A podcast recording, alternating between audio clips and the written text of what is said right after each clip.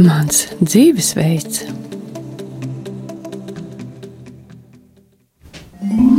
Sveicināti, rādījumā arī klausītāji! Ar jums kopā atkal raidījums Mans dzīvesveids. Šodien mūsu noslēdzošā saruna par līdzatkarību. Atgādināsim, ka vairākos raidījumos iepriekšējās reizēs mēs runājam par līdzatkarību dažādos aspektos. Mēs mēģinām saprast, kas tas ir un kā tas dzīvē izpaužās. Un uh, kas notiek, ja es to atrodu sevī, vai ja es redzu, ka man pretī ir kāds cilvēks ar līdzatkarības pazīmēm, un ko ar to darīt. Bet šodien mēģināsim saprast, kā mēs varam atrast sevi, to patieso sevi, kas nav līdzat, līdzatkarības karta personība, kā mēs varam iet ārā no šīs nepareizās attieksmes pret sevi un citiem, pret lietām. Un šodien mūsu studijā ir uh, Lutāņu baznīcas mācītājs Jā, uh, Indus Paičs, un mēs ar viņu mēģināsim saprast, kā to. Uh, Tātad iet ārā no līdzatkarības, um, tādā, ejot tādu garīgu ceļu, Ar jums kopā būšu arī es raidījuma vadītāja Daiga Lakotko. Kādas ir tavas izvēles ikdienā? Pirms mēs turpinām sarunu, atgādināšu vien mūsu klausītājiem. Arī jūs varat iesaistīties mūsu sarunā, sūtot īsiņas pa telefonu 266, 77, 272 vai zvanīt pa telefonu 67, 969, 131 vai arī sūtīt ēpastus uz adresi studija at rml.lv. Tāpat atgādinu, ka mums ir arī ziedojuma tālrunis, un tas ir 900 67 69. Lūk, bet šobrīd mēs sākam savu sarunu. Es ļoti priecājos, Indu, ka jūs esat atkal pie mums, mūsu studijā, un mēs varam uh, nu, turpināt jau šo aizsākto sarunu par līdzatkarību. Vai pareizāk sakot, mēs mēģināsim šodien saprast, kā tad tomēr beigt to līdzatkarību sevi un savā dzīvē. Nu, lūk, un, uh, vēl jāatgādina, kā iepriekšējās reizēs mēs runājam par tādu Latvijā jaunu ideju. Uh, un īstenībā tā laikam nav tikai ideja, bet arī teorija vai terapija, uh, kas saucās kognitīva behaviorālā terapija. Un Induls īstenībā zina arī pateikt šīs teorijas vai terapijas to būtību un kas ir tas kodols, ko mēs no tās varam paņemt, lai varētu nu, atgūt uh, savu tādu normālu attieksmi pret nu, sevi, citiem, dzīvi, veidot normālas attiecības. Indo, tad lūgums varētu pastāstīt, kas, kur ir tas sāls, ar ko šī teo, teorija vai terapija vai metode, ar ko viņi ir tik īpaša, ka mēs viņu varam paņemt šajā nu, tādā vajadzībā. Eh, nu, jā, es neesmu, protams, tieši šīs teorijas kāds īpašs speciālists, bet eh, varu tā vispārināti paskaidrot, ka savā laikā psiholoģija attīstījās tādā interesantā veidā, kur sākumā cilvēki domāja, ka mūsu emocijas ir radušās kaut kādu pagātnes pieredžu rezultātā kur šīs pieredzes ir atstājušas mūsos noteikts nospiedumus, un tās emocijas, kā mēs to paši arī no savas pieredzes varam zināt, bieži vien nosaka veidu, kā mēs uztveram notikumus, kā mēs viņus skaidrojam un interpretējam. Šādi domāja, piemēram, tas pats Zigmunds Freids un daudzi viņa sekotāji uzskatījami to, ka, ka mūsu domāšana lielā mērā ir atkarīga no tā emocionālā stāvokļa, kurā mēs atrodamies. Vai uztvere varbūt? Jā, bet pagājušajā gadsimta vidus, vidus vidusdaļā un beigās patiešām attīstījās viens cits virziens, cits, cita pieeja īstenībā cilvēka tādām garīgām psiholoģiskām problēmām, un šī pieeja lika lielu akcentu uz to, ka mūsu emocijas savukārt ir ļoti atkarīgas lūk no šīs sākotnējās situācijas uztveres. Tātad, respektīvi, te ir strīds par to, kas ir vista vai ola, kas ir pirmais. Vai mūsu emocionālais stāvoklis, piemēram, ja es esmu tur ļoti bēdīgs vai dusmīgs, vai tas izmaina manu uztveri, un tā droši vien ir zināma taisnība, vai otrādi Eh, tas, kā es interpretēju savu dzīvi un pasauli, kādā veidā es par viņu domāju, kādas ir mani pieņēmumi, manas domas manā prātā, nosaka arī to, kā es attiecīgi jūtos un attiecīgi reaģēju. Un šo kognitīvu behaviorālo terapiju sauc par kognitīvo terapiju tieši tāpēc, ka tās pamatlicēji teica, ka mūsu emocijas nekad nerodās no objektīvās dzīves situācijas kā tādas bet no tā, kā mēs šo situāciju uztveram. Ko mēs par to domājam? Ko mēs par to domājam? Pie tam nevis tādā lēnā, apdomīgā veidā, ka es tagad sēžu un analizēju savu dzīvi un situāciju, bet tādā zibenīgā veidā. Mēs vienkārši kaut kā padomājam, kaut ko uztveram, kaut ko, un tas izraisa mūsos noteikts reakcijas. Es, piemēram, pastāstīšu tādu varbūt triviālu piemēru, ja, ka, teiksim, cilvēks iet pa meža taku un skatās, ka tur uz ceļa kaut kas guļ. Un pirmā brīdī viņš satrūkstās, domādams, ka nezinu, tur ir čūska vai kaut kas cits bīstams, un sirds sāk sisties, un es momentā nobīstos, vai, vai nu, kaut kādas manas emocijas. Ro, jā, jā. Un pēc tam es ieskatos rūpīgāk, un es saprotu, ka tas ir tikai zars vai kaut kāds tur caurules gabals, kas guļ zemē. Un es saprotu, ka īstenībā es esmu nepareizi uztvērs šo lietu. Tur nekādas bīstamības nav bijis. Bet tas, ka es to esmu tādā veidā uztvēris, rada objektīvu uh, emociju, objektīvas sajūtas, un i, tik ilgi, kamēr es neno, nenonāku skaidrībā, ka patiesībā tā čūska tur nav, tik ilgi tās emocijas manī ir, un pat tad, kad es jau sāku saprast, ka es īstenībā esmu vienkārši pārskatījies, vienalga vēl ilgu laiku mana sirds sitās un tās um, tās fiziskās reakcijas eh, tikai lēnām atkāpjas. Tad, lūk, kognitīvās terapijas cilvēks sacīja, ka mēs nevaram mainīt savas emocijas, jo emocijas ir dabiska reakcija uz to, kā es uztveru situāciju, citus cilvēkus, savu dzīvi, vienalga ko. Bet tas, ko mēs varam izdarīt, mēs varam pamainīt, varbūt, vai palikt zem jautājuma zīmes, šos mūsu pieņēmumus, šo mūsu uztveri, uzdot sev nopietnus jautājumus, vai es tiešām domāju par šo situāciju nosacīti adekvāti un pareizi, jeb varbūt lūk, šie mani pieņēmumi ir nepareizi, un rezultātā es dabiski eh, jūtos tā, kā jūtos, neko tur nevaru izdarīt. Bet, ja es man izdotos šos manus pieņēmumus pamainīt, šīs manas domas sakārtot, teiksim tā, tad varbūt arī mana, manas emocijas, manas sajūtas būtu pavisam citas.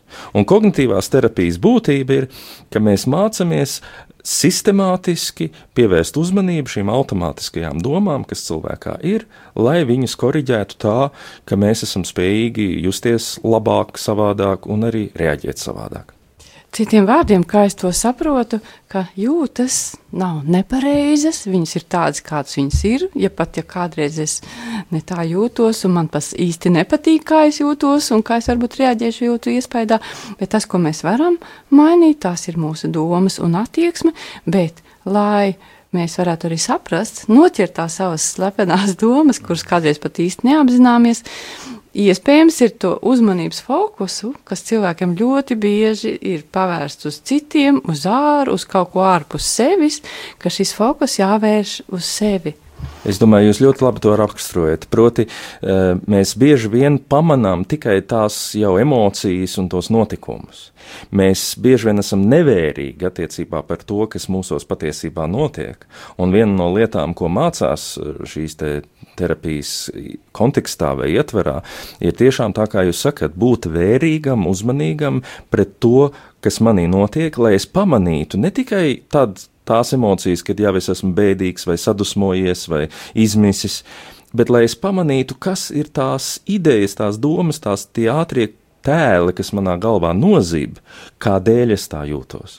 Nu, atkal viens piemērs līdzatkarības kontekstā būtu droši vien tāds, ka cilvēks uh, var justies, piemēram, bezpalīdzīgs kādā brīdī. Viņš var uzskatīt, ka viņš neko savā dzīvē nevar mainīt. Tas īstenībā ir diezgan populāri Latvijā, jo visi domā, mēs jau neko nevaram mainīt. Lūk, attiecībā uz saimnu pieņem tādus lēmumus, bet mēs neko nevaram mainīt. Jā.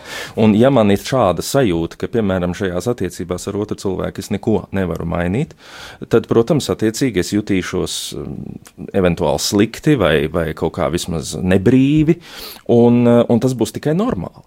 Un veltīgi es mēģināšu šīs savas dabiskās sajūtas un emocijas kaut kā apspiest vai noliegt, um, jo tur pamatā ir šis pieņēmums. Un tas, ko kognitīvās terapijas cilvēki dara, viņi tā tad mēģina uh, izcelt gaismā šīs mūsu domas un uztveri, un tad uh, rūpīgi viņus kopīgi pārdomāt, uh, cik tur ir tā patiesība vai nav. Un bieži vien izrādās, ka kaut ko mēs tomēr mainīt varam, ka kaut ko mēs uztveram pārāk vienkāršoti. Piemēram, ļoti bieži cilvēki mēdz domāt, ka viņi zina savukārt, ko citi domā, un reaģē nevis uz to, kas tajos citos reāli notiek, bet uz šiem saviem pieņēmumiem, ko, ko tas otrs tur droši vien tagad domā un kā viņš uz mani skatās, un es jau zinu, ka es viņam nepatīku, un, protams, ja es tā domāju par otru cilvēku, tad es attiecīgi tā jūtos un es attiecīgi reaģēju kas bieži vien ir ļoti nepareizi. Un tad, lūk, ir vesela virkne, piemēram, tādu ļoti klasisku domāšanas kļūdu, ko cilvēki pieļauj. Piemēram, viena, viena no tādām kļūdām ir, ka cilvēki uh, iedomājās, ka viņi zina, kas notiks. Ka viņi tā kā var nākotni paredzēt bez mazliet, vai ne? Ka es jau zinu, ar ko tas beigsies, es jau zinu, kas tur būs. Un es jau sāku reaģēt vēl pirms vispār notikumi ir notikuši. Es jau reaģēju tā, it kā tā būtu neapšaubām patiesība. Un bieži vien dzīvē izrādās, ka viss notiek tomēr savādāk. Un, uh, atkal mēs esam vienkārši bijuši pārāk nu, pārliecināti teiksim, tā, par to, kā mēs pasauli uztveram.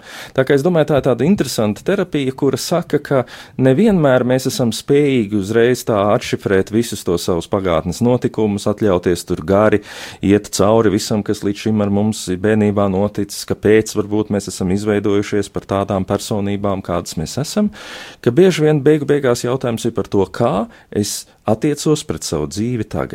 Un izrādās, ka tieši ar savām domām strādājot, var eh, piedzīvot ļoti lielu dziedinošu efektu. Un tāpēc tiešām pasaulē kognitīvā terapija ir eh, ļoti populārs virziens, tāds ļoti lietišķs savā ziņā, kas var tiešām daudziem palīdzēt.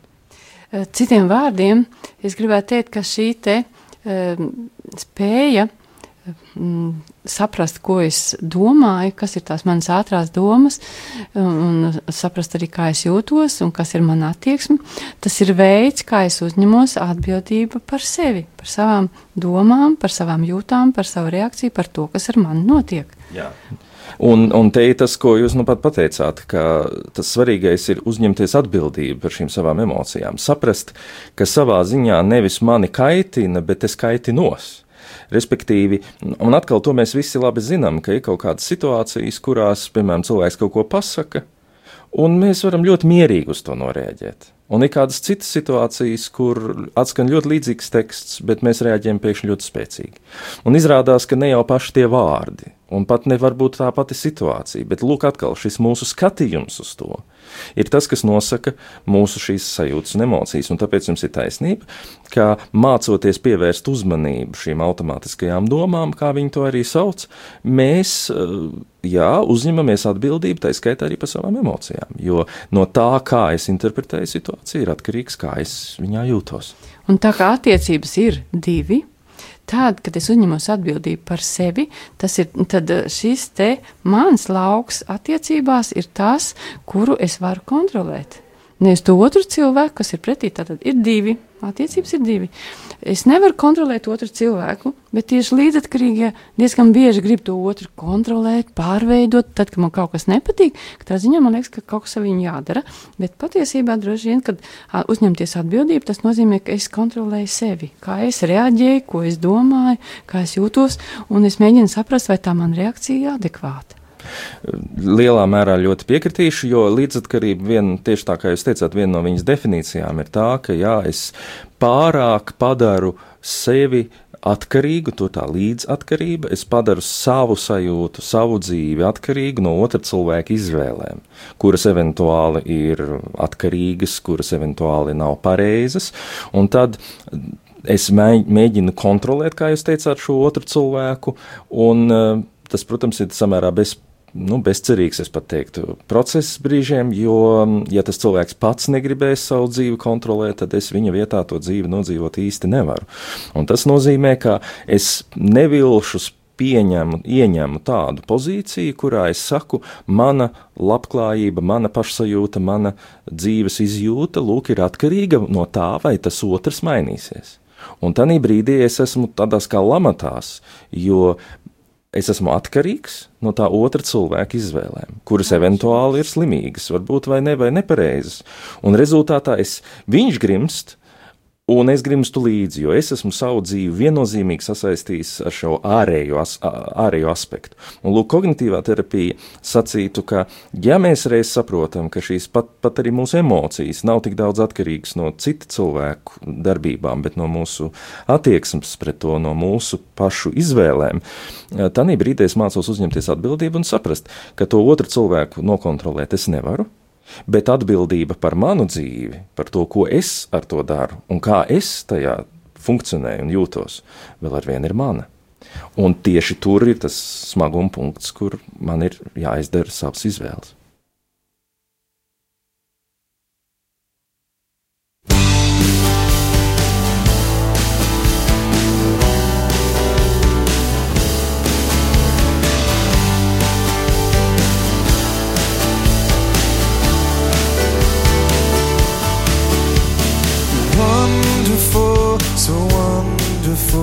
Is your unfailing love.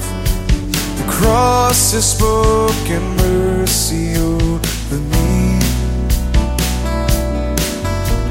No eye has seen, no ear has heard, no heart can fully know how glorious, how beautiful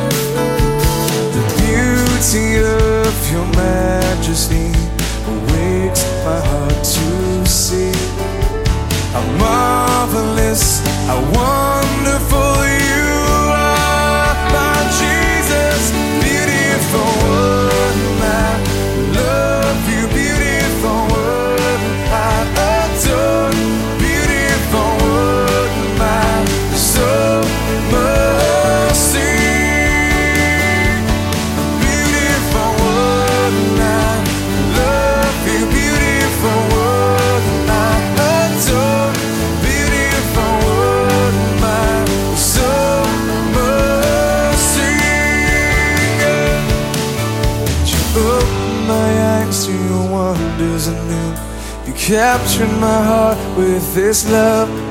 Because nothing on earth is as beautiful as you. Jesus. And you open my eyes to your wonders anew. You captured my heart with this love. Because nothing on earth is as beautiful as you.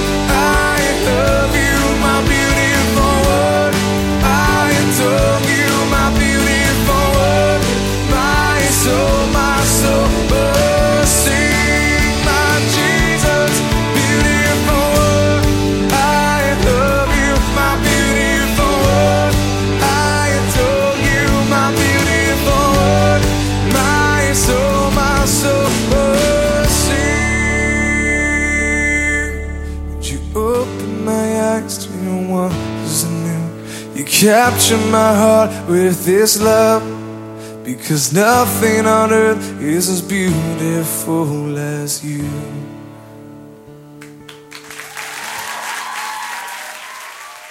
Šobrīd atkal atgriežamies studijā un turpinām mūsu sarunu par līdzatkarību. Tātad šodien ir mūsu noslēdzošā saruna, un mūsu viesis šajā reizē ir Lutāņu baznīcas mācītājs Indulis Paičs. Un šobrīd tātad um, runāsim, kā, ja nu gadījumā līdzatkarība ir skārusi mani, varbūt manus tuvākos, kā šajās reizēs, kad nāks ar to sastapties un kad tā traucē dzīvot, tomēr mēģināt izdarīt citas izvēles, veselīgākas priekš sevis un priekš mūsu tuvākajiem. Lūk, Induli, mēs pirmajā sarunas daļā runājam par šo kognitīvu behaviorālo terapiju vai teoriju, kuras būtība ir tāda, ka mēs mēģinam beigt kontrolēt citus un sākam uzņemties atbildību par sevi, lai mūsu tās reakcijas un domas būtu veselīgākas un adekvātas. Tas ir vairāk saprotams tiem cilvēkiem, kuri vēl dievu nav atraduši. Taču jūs esat jau Ehm, Kādu, es saprotu, ka pietiekami ilgi savā garīgajā ceļā jūs esat kristīgs cilvēks, un eh, šis arī kristīgs rādio, un mēs nesam šo vēstu par Dievu. Tāpēc gribas jautāt tiem cilvēkiem, kuriem ir Dievs, kas Dievu ir atraduši, kas Dievu meklē, viņiem iespējams varētu būt ļoti motivējuši šie vārdi, kurus īstenībā es kādreiz atradu, seko man. Vai tie ir jūsu vārdi un kā to saprast? Hmm. Jā, nu es domāju, tie ir ļoti lieli vārdi. Kā mēs zinām, Kristus to lieto kā tādu kopsavilkumu tam uzdevumam, kas mums kā viņa mācekļiem ir. Un mēs jau saprotam, ka šī sekošana nav tikai kāda fiziska staigāšana līdzi vai, vai tāda ārēja pārvietošanās, bet stāsts ir par to, ka mēs mācāmies no Kristus to, kas viņš ir. Un mācāmies ne tikai ar prātu, bet mācāmies ar visu savu būtību. Proti, vienkārši esot viņa klātbūtnē, mēs kaut kā savādāki arī paši kļūstam. Un tas, teiksim, šī raidījuma kontekstā man atgādina vienu ļoti svarīgu lietu, kas man kādā dzīves periodā, ticības periodā bija tāds svarīgs atklājums, ka viens veids, kā skatīties uz to, kas Kristus ir, ir eh, to, ko baznīca vienmēr mums ir teikusi. Viņš ir ne tikai patiesa dievs, viņš ir arī patiesa cilvēks. Un patiesa cilvēks, es ilgu laiku to dzirdēju tā, nu, ka tas nozīmē, nu, tāds īsts cilvēks, nu, ne ar rokām, kājām un visu pārējo, kas cilvēkam mēdz būt.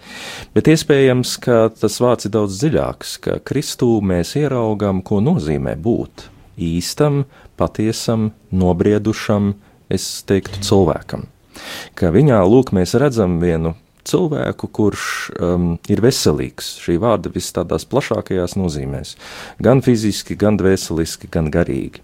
Un tāpēc, sekot Kristum, tas nozīmē priekš manis mācīties kā reizi šo nu, nobriešanas, tapšanas ceļu kur izrādās, ka Dievs arī šajā ziņā mums iet pa priekšu, lūk, iemiesodamies, parādīdams mums ne tikai sevi, ne tikai to, kāds viņš ir, bet parādīdams arī tās mūsu īstenībā iespējas, kas mums ir.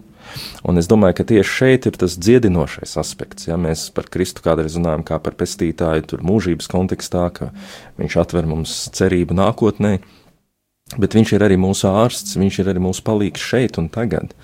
Un tas nozīmē, ka viņā mēs redzam uh, vienu cilvēku, kas ir brīvs, kas dzīvo ar skaidru jēgas apziņu, kurš ir uh, spējīgs nostāties un pastāvēt par sevi.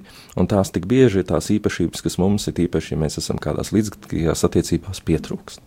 Es gribētu teikt, ka uh, manā izpratnē Kristus tas ir, ko es esmu mācījusies kristiešu vidē, ka tas ir viens tādas neievainotas cilvēcības paraugs. Ja, tas tāds, varētu teikt, ideālais modelis, nu, kādi mēs varētu kļūt savā būtībā, cilvēciskajā būtībā. Nevis es kā sieviete kļūšu par uh, Kristu vīrieti, bet, bet tā cilvēciskā būtība ir tas labais paraugs, uz kur es varu iet nu, savā izaugsmē, savā mm, ceļā. Jā, un es gribēju tikai piebilst, lai mēs nepārprotam šo lietu, ka tas nav tikai stāsts par to, ka viņš ir vienkārši modelis, un es tagad kaut kā mēģinu sevī producēt līdzīgas sajūtas un līdzīgas, līdzīgus spēkus.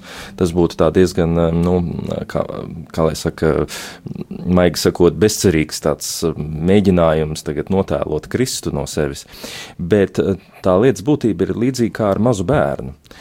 Ja mēs gribam, lai mazs bērns izaug par nobriedušu un spēcīgu cilvēku, viņam visticamāk līdzās vajag kādus citus nobriedušus, spēcīgus cilvēkus. Nu, ļoti jauki tas būtu, ja tie ir viņa vecāki. Diemžēl kādreiz vecāki ir savu, ar saviem ierobežojumiem, bet tad varbūt mums dzīvē ir kādi citi cilvēki, ar kuriem kopā esot, mēs varam saprast, nu, kā ir iespējams dzīvot un kā ir iespējams attiekties. Jo cilvēks ir tāda būtne, kura ļoti uzsūc sevī to apkārtējo pieredzi un vidi un citus cilvēkus un viņu attieksmi, un mēs tā kā tādi spoguļi to uzreiz atspoguļojam. Un uh, es redzu šeit tieši to, kas ir kristīgā iespēja, milzīgā iespēja, kas mums tiek dāvināta, ka patiesībā mums vienkārši ir jābūt kopā ar šo veselīgo, kā jūs teicāt, neievainoto cilvēku. Un esot kopā, pat bez tā, ka tagad es mēģinu vienkārši savā spēkā viņu atdarināt, Eh, vienkārši esot ar viņu kopā, tā mana dvēsele arī sāk dzīt. Es atklāju kaut kādu dziļu iekšēju pamatu, mieru. Es uh, es jūtu, kā tas viņa gars sāk darboties arī manī, un, uh, un pēkšņi es kaut ko sāku spēt, ko es varbūt līdz tam nespēju, un es sāku kaut ko redzēt, ko es līdz tam neredzēju. Tā kā tas ir tāds brīnišķīgs dziedināšanas process, kur tas, kurš ir vesels, dara veselus, viengabalainus, sakārtotus arī citus cilvēkus. Bet te ir vēl viena maza nianses, proti ir ļoti no svara lai šis Kristus tēls, vai plašākā nozīmē arī Dieva priekšstats, nu, mūsu priekšstats par Dievu, lai viņš būtu neizkropļots. Jo, jo redziet, nu, kā lai pasaka, šis vārds Dievs, nu, viņš tiek lietots tik tomēr dažādos kontekstos, un daudzi cilvēki apzināti vai neapzināti dažādi šo vārdu saprot, un dažādas ir mūsu izjūtas. Un es gribētu sacīt, ka ir iespējams arī tāds priekšstats par Dievu, kas to mūsu līdzatkarību un tās mūsu ievainotās dvēseles nevis dziedina, nevis ved mūsu laukā no tā, bet zināmā mērā pat uztur tajā. Un tāpēc Kristīgā baznīca ir likusi tik ļoti lielu uzsvaru, ka mums ir svarīgi uh, rādīt to ceļu un to patiesību kas patiešām Kristū atklājas. Ja, nav vienalga, kādam Dieva priekšstatam tu tici, nav vienalga, ka tu vienkārši saki, es ticu Dievam. Ir svarīgi, ka tiešām Kristus priekš tevis ir tās durvis, tas loks, caur kuru tu skaties uz Dievu, un tad tu atklāji to īstenību un patiesību, tu atklāji debesu tēvu, kurš nevis grib, lai tu paliec kā tāds zīdainīts, kas neko nespēja izdarīt un neko nespēja pats nekādus lēmumus pieņemt, bet tu atklāji debesu tēvu kā tādu, kas ir mīlestības pilns, bet vienlaikus, kurš grib, lai tu audz, lai tu nobriesti, lai tu kļūsti par spēcīgu cilvēku. Un tad, ja šis dievu priekšstats ir tāds, kā kristīgā baznīca mums arī to rāda un māca, un evaņģēlī atspoguļo, un ja mēs to dzirdam, un ja tas mums tiek sludināts, un ja mēs tajā varam dzīvot un uzturēties šajā patiesības vidē, tad tas dziedināšanas process notiek. Es uh, arī domāju, ka uh, tādā kontekstā, kā jūs runājat, ka uh, tādās, tādās attiecībās ar Kristu es varu ieraudzīt, ka Dievs tiešām mani mīl, ko īstenībā diezgan grūti saprast cilvēkam, kurš varbūt tikko sācis iet šo ceļu, un arī, ja arī tie, kur kādu laiku iet, nevienmēr es varu tā saprast, nu kā, kur, kurā brīdī viņš man mīl, man tagad ir ciešanas. Ja? Tas ir diezgan grūts aspekts, bet mazliet arī es gribu paskaidrot par to, ko es sapratu par šo Kristu kā neievainotas cilvēcības paraugs.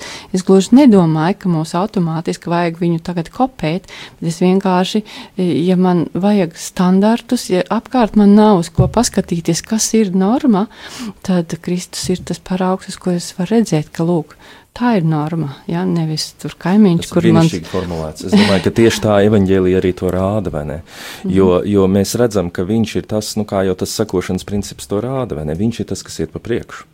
Un kā mēs to redzam jau no vecās derības, kur ir iziešana no Eģiptes pretī apsolītai zemē, un jūs atceraties to skaisto tēlu, ka tur Dievs savai tautai iet pa priekšu ugunsstabā naktī, dūmstabā dienā, un, un tad, kad izrēlieši redz tālumā šo stabu pārvietojamies, tad viņi sapako visas savus teltis un viņi dodās līdzi, tad, kad viņš tur apstājās, tad arī viņi apstājās, un tas nozīmē, ka Dievs visu laiku iet pa priekšu savai tautai, un ko starp citu tauta grib izdarīt savukārt ir, viņa grib uztaisīt sev zelta teļu, kas stāvētu tās nometnes vidū, un tad tas nozīmē, ka mēs esam uztaisījuši vienu elku tēlu, kas neliek mums neko mainīt, Eh, ka mēs tagad varam mierīgi šeit sēdēt, it kā ir ļoti viegli, bet tai pašā laikā mēs tajā tuksnesī apstājušies esam, un tas ir ļoti bīstami. Un tāpēc arī līdzīgi kā šis ugunstaps un dūmstaps vecajā derībā, tā arī Kristus nemitīgi iet pa priekšu, un precīzi kā jūs sacījāt, mēs nevaram viņu nokopēt, bet mēs varam redzēt orientieri, mēs varam redzēt virzienu. Bet vēl šiem vārdiem seko man, es esmu ieraudzījusi arī citu aspektu, ka patiesībā šie vārdi um, saka man kaut ko, ka uh, manā sirdsbalsī ir uh, šīs, šis dieva vārds īstenībā skan, un ka man viņu ir jādzird un, un jārespektē patiesībā, ka tas no vienas puses skatos uz Kristu, bet tajā pašā laikā manī jau arī, nu, būtībā tas gars jau ir manī, ja es viņā lūkojos, ja es meklēju pēc, nu, tā Es, es arī tam gribētu piekrist, proti, ka stāsts nav par kaut kādiem, kā mēs arī pirmajā daļā runājām, par kaut ko ārpus manis, no kā tagad viss ir atkarīgs. Jo tad arī, kā jau es teicu, arī šajās garīgajos jautājumos tik viegli tur ir kaut kā novirzīties un, uh, un nonākt vienā um, situācijā, kas ir labi domāta, bet kas īstenībā mūs nevis dziedina un velk laukā, bet taisni notur kaut kādā neveselīgā stāvoklī. Uh, tādā ziņā jums ir pilnīgi taisnība, kā apustulis Pāvils saka, vairs nedzīvoju es, bet manī dzīvo Kristus. Viņš saka, vai tad jūs nezināt, visi, kas esat kristīti, ka jūsos ir Dieva gars, ka jūs esat Dieva bērni, un tas ir tas gars, kas liek saukt abā tēvs. Un vēl viņš kādā vietā saka, neviens nezina to, kas ir dievā, kā vienīgi dieva gars. Tāpat arī neviens nezina to, kas ir cilvēkā, kā vienīgi cilvēka gars. Un ar to viņš ļoti interesanti pasaka, ka šie, šī frāze, kas jaunā darbā tik bieži tiek lietota, ka mūsos ir svētais gars, ka mūsos ir dieva gars, tas nozīmē, ka kristietis kurš ir kristībā un vispār baznīcas kopībās savienots ar Kristu, viņš piedzīvo to, ka viņš sāk Dievu, ja tā drīkst teikt, saprast un izjust no iekšpuses. Lūk, ne tikai kā kaut ko par ko es dzirdu vai par ko es domāju, bet kaut ko, kas ir ļoti, ļoti tuvu. Un, kā jūs teicāt, savā ziņā arī manī pašā atklājas un darbojas. Un es domāju, tas ir tas vienīgais atkal pamats, kas ļauj cilvēkam no visādām neveselīgām attiecībām kāpt laukā. Un līdzatkarīgiem cilvēkiem noteikti vajadzētu dzirdēt tos brīnumā brīdī šokējošos tekstus jaunajā derībā, kur mēs redzam Kristu tādu, nu, visnotaļ, es pat teiktu, paskarbu attieksmi pret saviem tuvākajiem cilvēkiem kuri brīžiem mēģināja viņu tā kā nu, apturēt. Atcerieties, ir tie stāsti, vai ne, ka tur atnāk pie viņa vai ne tur eh, viņa radinieki, kuri tagad ir satraukušies par to, ko viņš tur māca un dara un grib viņu vest pie prāta. Un, eh, un Jēzus saka, tur, piemēram, nu, kas ir mans tēvs un kas ir mana māte, vai ne? Un viņš saka, tie, kas dzird Dievu vārdu un dara. Un arī saviem mācekļiem viņš saka, ka, nu, kas, kas grib viņam sekot, tam ir jābūt gatavam aizliegt sevi un tās iepriekšējās attiecības, tā kā, nu, palikt zem jautājuma zīmes, tikai tāpēc, lai pēc tam viņus atkal tūkstoškārt iemantot. Un tie ir visi tie teksti, kas rāda uz šo spēku, kas Kristū ir, un uz ko viņš aicina arī mūsu proti dzīvot vienu patiesu, pilnvērtīgu cilvēka dzīvi, un izrādās, ka tieši tad, ja es esmu pilnvērtīgs Dieva bērns, ja es sekoju tam aicinājumam, ko Dievs man ir devis, un ja es jūtos Dievu mīlēts un stabils un drošs un daru to, kas, ko Dievs man atklāja un dara, eh, saka, ka tieši tad es esmu par svētību citiem, un tieši tad es varu izveidot svētīgas, labas, dziedinātas attiecības ar citiem cilvēkiem.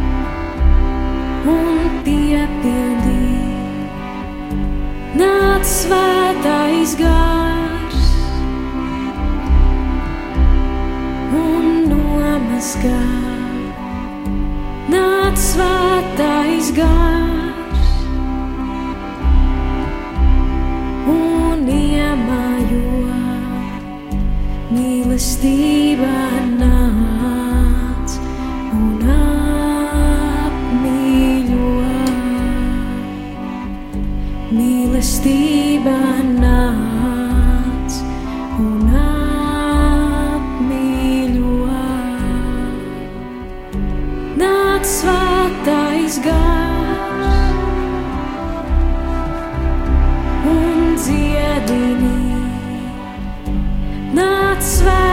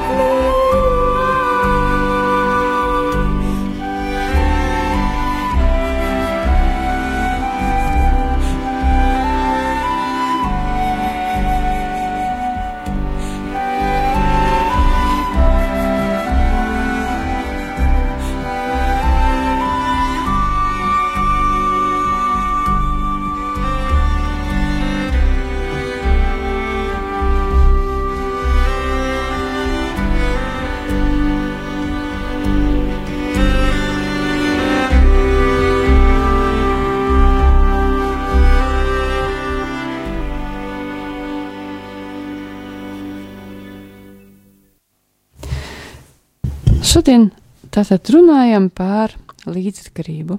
Mūsu studijā noslēdzošā saruna par līdzatkarību. Citiem vārdiem, kā beigt nodarboties ar citiem un sākt uzņemties atbildību par sevi un savu dzīvi, lai darītu veselīgāku, veselīgāk savas attiecības un, un arī kopumā, um, lai mūsu dzīve veidotos skaistāk un lai mēs vairāk pildītu tos uzdevumus, kuru dēļ mēs esam šajā pasaulē nākuši. Un mūsu uh, studijas viesis šodien ir uh, Rīgas Lutera draudzes mācītājs Induls Paičs. Mēs sarunā ar Indulu Paiču palikām pie tā, ka vārdi, kas Bībelē ir tā teikti, seko man patiesībā ir ļoti ietilpīgi, tiem ir dažādi tā kā rakursi un, un, un tā viena doma, pie kā mēs palikām, ka tas gars, kas ir mūsos, tas patiesībā ir mūsu navigators, citiem vārdiem sakot, tā prasti. Jā, es domāju, Tā ka var tā var teikt. noteikti sacīt, un es domāju, ka cilvēkiem, eh, katram no mums ir jāmācās eh, tam garam, ko Dievs mums ir devis, tai garīgai daļai, kas mūsos ir, patiešām uzticēties, ļaut viņai veidoties un augt, un, jo tieši tur jau notiek tā mūsu patiesā un īstā dzīve. Un tas pirmā brīdī var likties tā, nu, egoistiski vai kaut kādā ziņā nu, bīstami, ka kā tad es tagad klausīšos te savā balsī, un vai tikai tas būs saskaņā ar to, ko Dievs patiešām grib. Bet atcerēsimies, ka Dievs jau to sirds balsi mums ir devis, un ja vien mūsu attiecības ar viņu ir atvērtas un, un tur tā mīlestība plūst, tad tā balss, kas mūsos skan, ļoti mums palīdz tajās konkrētajās dzīves situācijās tos pareizos lēmumus pieņemt. Jā, varbūt līdzīgi kā tas ir ar bērniem, kas aug ģimenē, mēs, protams, mācoties staigāt, kādreiz nokrītam, mēs izdarām kādu varbūt kļūdu, nesadzirdam, ko šī balss mūsos saka, bet tieši caur to mācīšanās procesu mēs pamazām sākam to aizvien skaidrāk atšķirt, un mūsu dzīve iegūst to savu īpašo garšu un vērtību, kādēļ Dievs tieši mūs, tieši šeit un tieši tagad ir nolicis un radījis. Konkrēti mani, vai konkrēti jūs, vai jebkuru citu, kāpēc es esmu šajā pasaulē, kas ir mans uzdevums.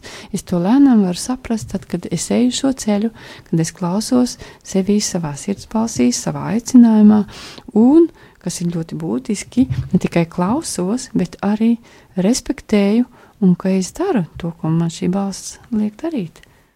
Un tā ir mācīšanās solīt pa solītam, jo sākumā varbūt man pietiek drosmes un spēka tikai vienu mazu solīti spērt.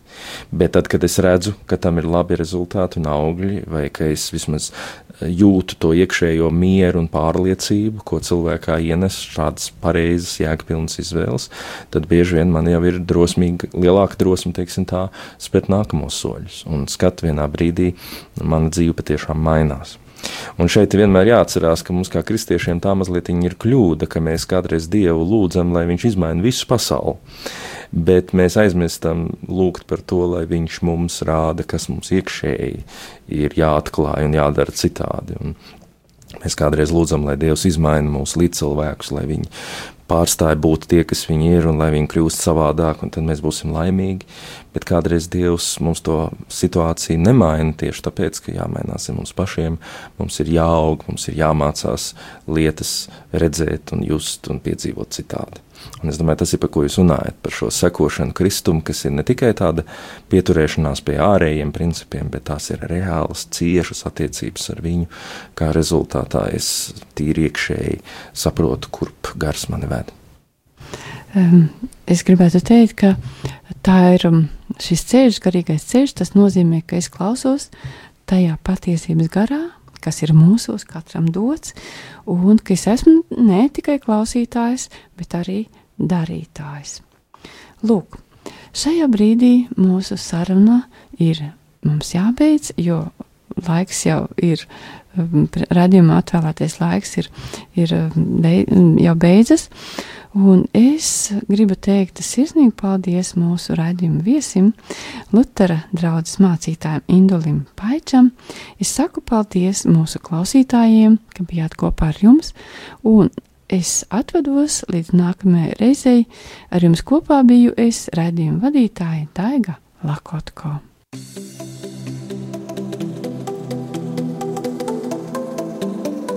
Mans dzīvesveids!